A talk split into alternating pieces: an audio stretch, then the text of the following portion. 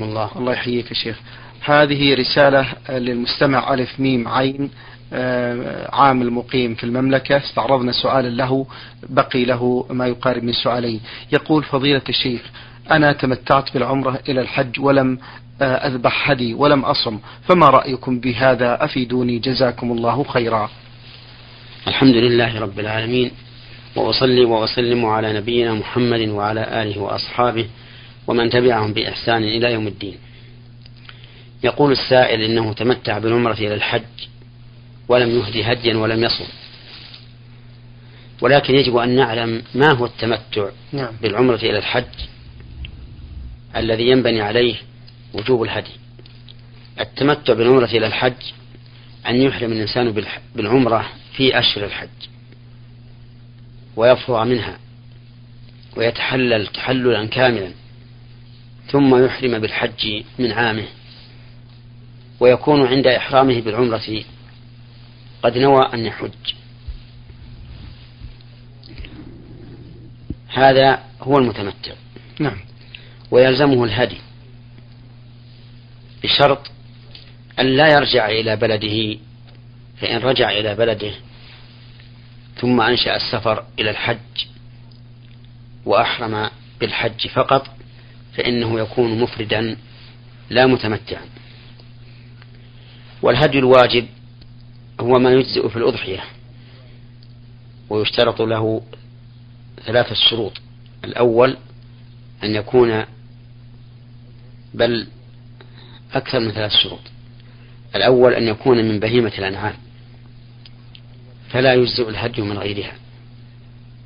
لقول الله تعالى ويذكر اسم الله ليذكر اسم الله على ما رزقهم من بهيمة الأنعام الثاني أن يكون بالغا للسن المجزئ وهو الثني من الإبل والبقر والمعز أو الجذع من الضأن.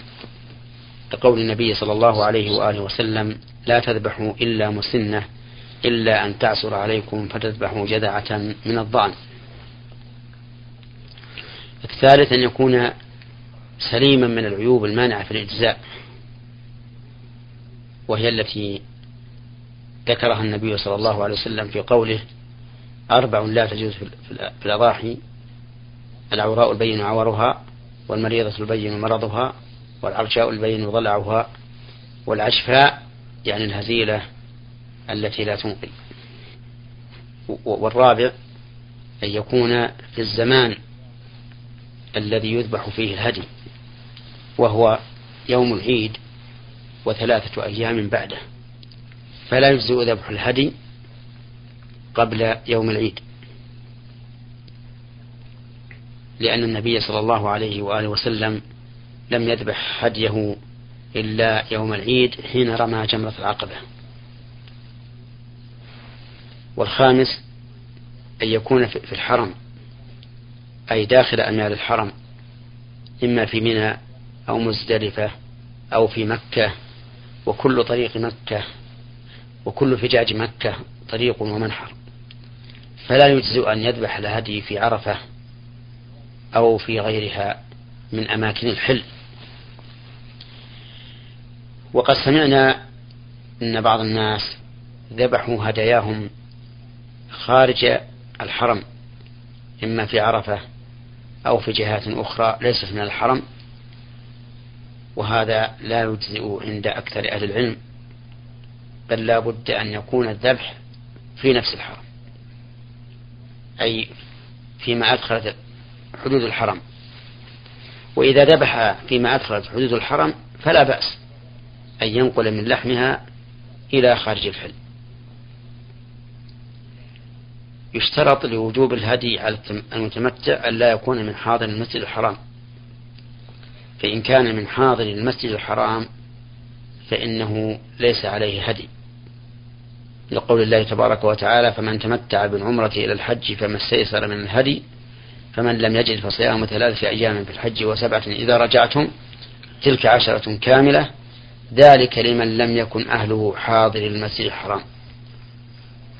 أي ذلك الحكم ثابت لمن لم يكن أهله حاضر المسجد الحرام والحكم المذكور هو وجوب الهدي أو بدله لمن عدمه. وحاضر المسجد الحرام هم أهل مكة أو الحرم. يعني هم من كان داخل حدود الحرم نعم. أو كان من أهل مكة ولو كان خارج حدود الحرم. وإنما قلت أو كان من أهل مكة ولو كان خارج حدود الحرم لأن جهة التنعيم الآن آه، قد صارت من مكة. فإن فإن الدور والمباني تعدت التنعيم الذي هو مبتدأ مبتدأ الحرم ومنتهى الحل وعلى هذا فمن كان من أهل التنعيم الذين هم خارج الحرم أو من وراءهم والبيوت متصلة ببيوت مكة فإنهم يعدون من حاضر المسجد الحرام.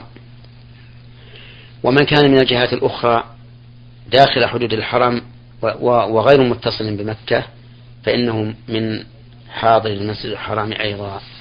فحاضر المسجد الحرام إذن هم أهل مكة أو أهل الحرم. فإن كان من حاضر المسجد الحرام فإنه ليس عليه حج ولا صوم. هذا السائل يقول إنه حج متمتعا ولم يهدي ولم يصم. نقول له الآن عليك أن تتوب إلى الله. فإن كنت من القادرين على الهدي في عام حجك وجب عليك أن تذبحه اليوم ولكن في مكة. وإن كنت من غير القادرين على الحج وإن كنت من غير القادرين على الهدي في عام حجك فعليك الصوم فصم الآن عشرة أيام ولو في بلدك. نعم. بارك الله فيكم. له سؤال آخر فضيلة الشيخ يقول نحن عمال وبفضل الله نرزق بمال كثير. في نعم نحن نحن. نحن عمال. نعم. وبفضل من الله نرزق بمال كثير في سنتين أو أكثر. والبعض من هذا المال نرسله إلى الأهل. كيف تكون الزكاة في مثل هذه الحالة؟ نعم. تكون الزكاة واجبة عليكم إذا بقي عندكم ما يبلغ النصاب إلى تمام السنة. فإن كان المال الذي تحصلون عليه ينفد قبل تمام السنة فإنه ليس عليكم زكاة فيه. لأن من شرط وجوب الزكاة تمام لأن من شرط وجوب الزكاة تمام الحول. فإذا نفد المال قبل تمام الحول أو نقص عن النصاب قبل تمام الحول فإنه ليس فيه زكاة. نعم. بارك الله فيكم. هذا المستمع آه ميم ميم من قرية السهم يقول فضيلة الشيخ هل الذي يخرج من البيت وهو ليس بمريض وبعد لحظات يحصل له آه، حادث ويتوفى هذا الشخص في حادث سيارة. هل يعتبر ذلك شهيد؟ وهل هذا يعتبر مرض الطاعون؟ لأن صاحب مرض الطاعون شهيد. أرجو الإفادة. الميت بحادث يكون من الشهداء إن شاء الله. لأنه كالميت بهدم أو غرق أو نحو ذلك. ولكن ليعلم أننا لا نحكم على الشخص بعينه أنه شهيد حتى وإن عمل عمل الشهداء لأن الشهادة للشخص بعينه لا تجوز كما لا تجوز الشهادة للشخص بعينه بالجنة إن كان مؤمنا أو بالنار إن كان كافرا. ولكن نقول إن من مات بحادث أو مات بهدم أو بغرق أو بحرق أو بطاعون فإنه من الشهداء ولكن لا نخصه بعينه.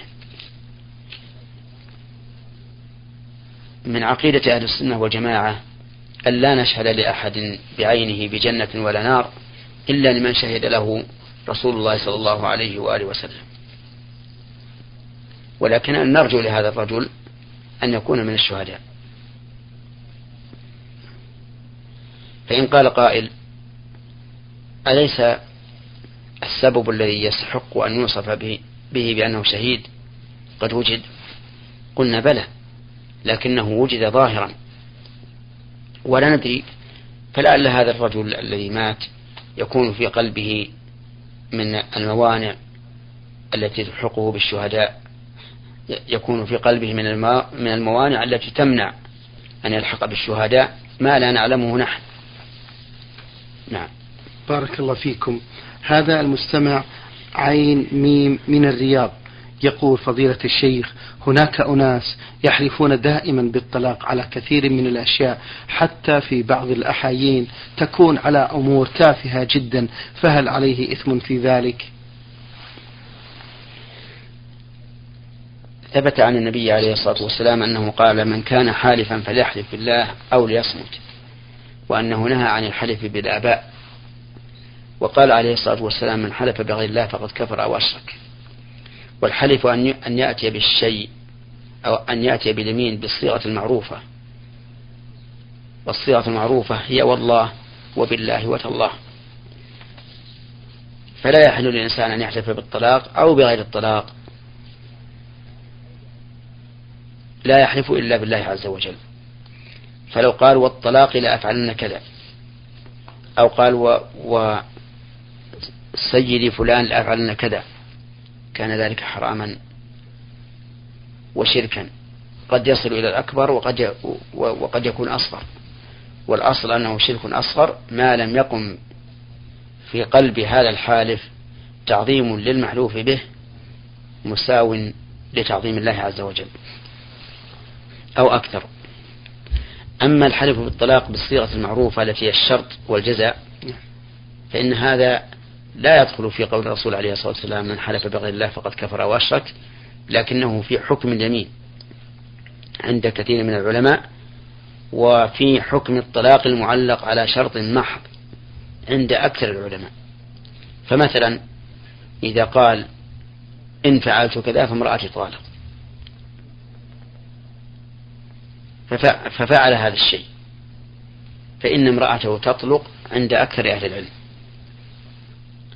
وعند بعض العلماء لا تطلق حتى يسأل هل أنت أردت بذلك الطلاق أو أردت تأكيد المنع؟ إن كان أراد الطلاق فإنه يقع لأنه طلاق معلق على شرط فوجد. وإن قال أردت التوكيد على منع نفسي من هذا الفعل كان ذلك في حكم اليمين.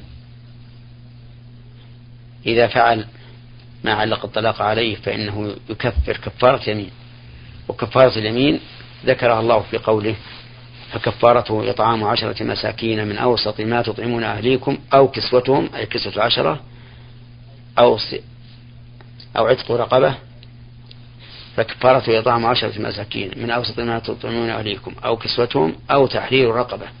فمن لم يجد فصيام ثلاثة أيام ذلك كفارة أيمانكم إذا حلفتم. وعلى هذا فإني أوجه النصيحة لإخواني الذين الذين ابتلوا بهذا النوع من الأيمان وهو وهي أيمان الطلاق. أنصحهم أن يكفوا ألسنتهم عن ذلك. لأن أكثر أهل العلم يلزمونهم بالطلاق على كل حال. وهذه مصيبة. أن تبقى زوجتك إذا كان هذا اليمين هو الطلقة الثالثة أن تبقى زوجتك حراما عليك عند أكثر العلماء.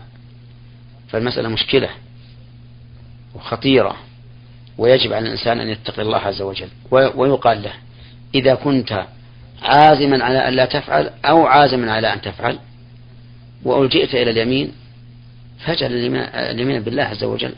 أما زوجتك فدعها تبقى في مكانها ولا تطلق الطلاق عليها. وقد كثر الحلف بالطلاق عندنا مع أنه كان معدوما من قبل. وذلك لأنهم رأوا من يفتيهم بأنه بأن حكمه حكم اليمين. وكانوا فيما سبق لا يفتون بهذه الفتوى فتجدهم يخشون خشية عظيمة. من أن يحلفوا بالطلاق. وأنا لست أعارض في في الإفتاء بأن هذا الطلاق إذا كان قصد منه الحث أو المنع أو التصديق أو التكذيب يكون في حكم الطلاق. بل أنا أفتي بذلك لكني أقول إنه لا ينبغي للإنسان إذا وجد مثل هذا القول أن يجعله وسيلة تبرر كثرة كلامه بالطلاق لأننا نقول إذا وجدت هذا القول فلا تنسى أقوال العلماء الذين هم أكثر عددا ممن يفتي بأن هذا الطلاق في حكم في حكم اليمين. أكثر العلماء يرون أنك إذا قلت إن فعلت كذا فامرأتي طالق ثم فعلت أكثر العلماء يرون أنها تطلق على كل حال. فإذا قلت هذا ثلاث مرات فهذا يعني أن زوجتك طلقت ثلاثا وحينئذ تبقى معك وأنت تجامعها جماعا محرما عند أكثر العلماء. فالمسألة خطيرة جدا. خطيرة ولذلك أوجه النصيحة لإخواني أن يكفوا ألسنتهم عن مثل هذه الأمور. نعم. بارك الله فيكم على هذا التوجيه المبارك فضيلة الشيخ محمد. آه له سؤال آخر هذا المستمع الذي رمز لاسمه بعين ألف من الرياض يقول هل تأخير الزواج للرجل فيه إثم؟ تأخير الزواج للرجل إذا كان قادرا نعم. قدرة مالية وبدنية مخالف لتوجيه الرسول عليه الصلاة والسلام. فإن رسول الله صلى الله عليه وآله وسلم قال يا معشر الشباب من استطاع منكم الباءة فليتزوج فإنه أغض للبصر وأحسن للفرج ومن لم يستطع فعليه بالصوم فإنه له وجاء. واختلف العلماء رحمهم الله في الشاب الذي له شهوة وقدرة على النكاح هل يأثم بتأخيره أو لا يأثم؟ فمنهم من قال إنه يأثم لأن الأمر فيه للوجوب وتأخير الواجب محرم. ومنهم من قال إنه لا يأثم لأن الأمر فيه للإرشاد إلا أن يخاف الزنا بتركه فحينئذ يجب عليه درءا لهذه المفسدة. وعلى كل حال فإن نصيحتي لإخواني الذين أعطاهم الله عز وجل المال وعندهم شهوة أن يتزوجوا. إن كانوا لم يتزوجوا أول مرة فليتزوجوا وليبادروا. وإن كان عندهم زوجات وكانوا محتاجين إلى زوجات أخرى فإنهم يتزوجون. وقد أباح الله لهم أن يتزوجوا أربعا. والنبي عليه الصلاة والسلام حث على كثرة الأولاد في الأمة الإسلامية وقال تزوجوا الودود الولود فإني مكاثر بكم يوم القيامة. ولا شك أن تعدد الزوجات سبب لكثرة الأولاد. وصح عن عبد الله بن عباس رضي الله عنهما أنه قال خير هذه الأمة أكثرها نساء. ولكن التعدد جائز أو محمود ومشروع بشرط أن يكون الإنسان قادرا على العدل قدرة بدنية وقدرة مالية. فإن خاف أن لا يعدل فقد قال الله تعالى فانكحوا ما طاب لكم من النساء مثنى وثلاث ورباع فإن خفتم أن لا تعدلوا فواحدة أو ما ملكت أيمانكم ذلك أدنى ألا تعولوا نعم. بارك الله فيكم. هذا المستمع خالد إبراهيم عبد الغني مقيم بالأردن آه، للعمل. يقول سؤالي. يقول بأنه يعمل في عمل يتطلب منه الاستمرار آه، بعد صلاة الفجر إلى بعد إلى بعد صلاة الظهر. إن لم يكن العصر. ومكان العمل يبعد عن المسجد بحوالي 2 كيلومتر ونسمع الأذان. ولكن العمل آه، نفسه يتطلب البقاء أو يتطلب أن نبقى في محلنا. فما حكم الصلاة الفردية في ذلك المكان؟ وهل الصلاة صحيحة أم لا بد من الحضور مع صلاة الجماعة بالمسجد فضيلة الشيخ؟ الواجب على الإنسان أن يحضر الصلاة في المسجد مع جماعة المسلمين. ولكن إذا كان في عمل كما قال السائل إيه، لا يمكن معه أن يذهب إلى الصلاة في المسجد فليصلي, فليصلي جماعة في مكانه مع إخوانه وزملائه. لقول الله تعالى فاتقوا الله ما استطعتم وقوله تعالى وما جعل عليكم في الدين من حرج وليعلم هذا السائل ومن سمع جوابي هذا أن صلاة الجماعة واجبة فرض على الأعيان وأن فيها أجرا عظيما. قال فيها رسول الله صلى الله عليه وآله وسلم صلاة الجماعة أفضل من صلاة الفرد بسبع وعشرين درجة. وهم صلى الله عليه وآله وسلم أن يحرق المتخلفين. فقال صلى الله عليه وسلم لقد هممت أن آمر بالصلاة فتقام. ثم آمر رجلا فيصلي بالناس ثم انطلق معي برجال معهم حزم من حطب إلى قوم لا يشهدون الصلاة أو قال لا يشهدون الجماعة فأحرق عليهم بيوتهم بالنار. نعم. بارك الله فيكم. هذا مصري يقول فضيلة الشيخ يوم الحج الأكبر هل هو يوم العيد أو يوم الوقوف بعرفة؟ ولماذا سمي بهذا الاسم؟ يوم الحج الأكبر هو يوم العيد. كما ثبت ذلك عن النبي صلى الله عليه وآله وسلم. وسمي يوم الحج الأكبر لأن فيه كثيرا من شعائر الحج ففيه الرمي وفيه النحر وفيه الحلق وفيه الطواف وفيه السعي لمن كان متمتعا أو كان مفردا أو قارنا ولم يكن سعى بعد طواف القدوم. هذه خمسة أنساك كلها تفعل في يوم العيد ولذلك سمي يوم الحج الأكبر. أما يوم عرفة فليس فيه إلا نسك واحد وهو الوقوف بعرفة. وكذلك مزدلفة ليس فيها إلا نسك واحد وهو المبيت بها. لكن وكذلك ما بعد يوم العيد ليس فيه إلا نسك واحد وهو الرمي. نعم. بارك الله فيكم. هذا السائل أبو هبة من المغرب يقول اضطر شخص إلى أن يذهب إلى أحد السحرة ليفك عن ابنه سحرا فهل يجوز له ذلك؟ السحر لا شك أنه داء عضال وأنه جناية من الساحر عظيمة والساحر الذي يستعين بالأرواح الشيطانية أو بالشياطين أو بالجن كافر والعياذ بالله.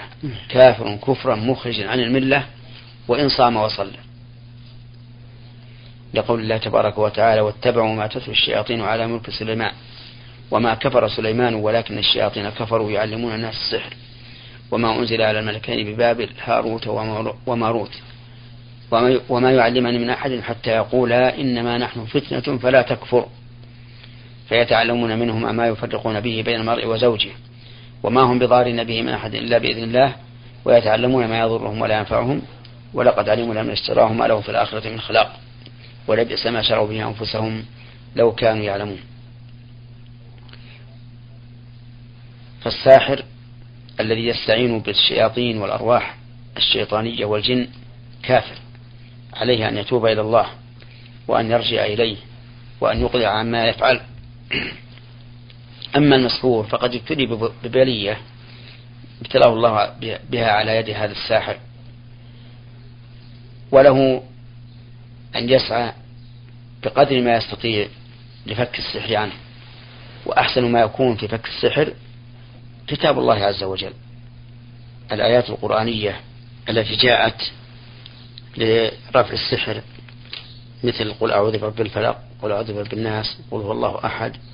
آية الكرسي آية, آية الكرسي الآيتين في آخر سورة البقرة. فإذا قرأها قارئ مخلص مؤمن بها وكان المصاب بالسحر متقبلا لها معتقدا نفعها فإنها تنفع بإذن الله عز وجل. ويوجد ولله الحمد من يقوم بهذا بكثرة. وفي هذا غنى عن الذهاب إلى السحرة. نسأل الله لنا ولإخواننا المسلمين السلامة من الآفات وأن يقينا شر عباده. شكر الله لكم من فضيلة الشيخ.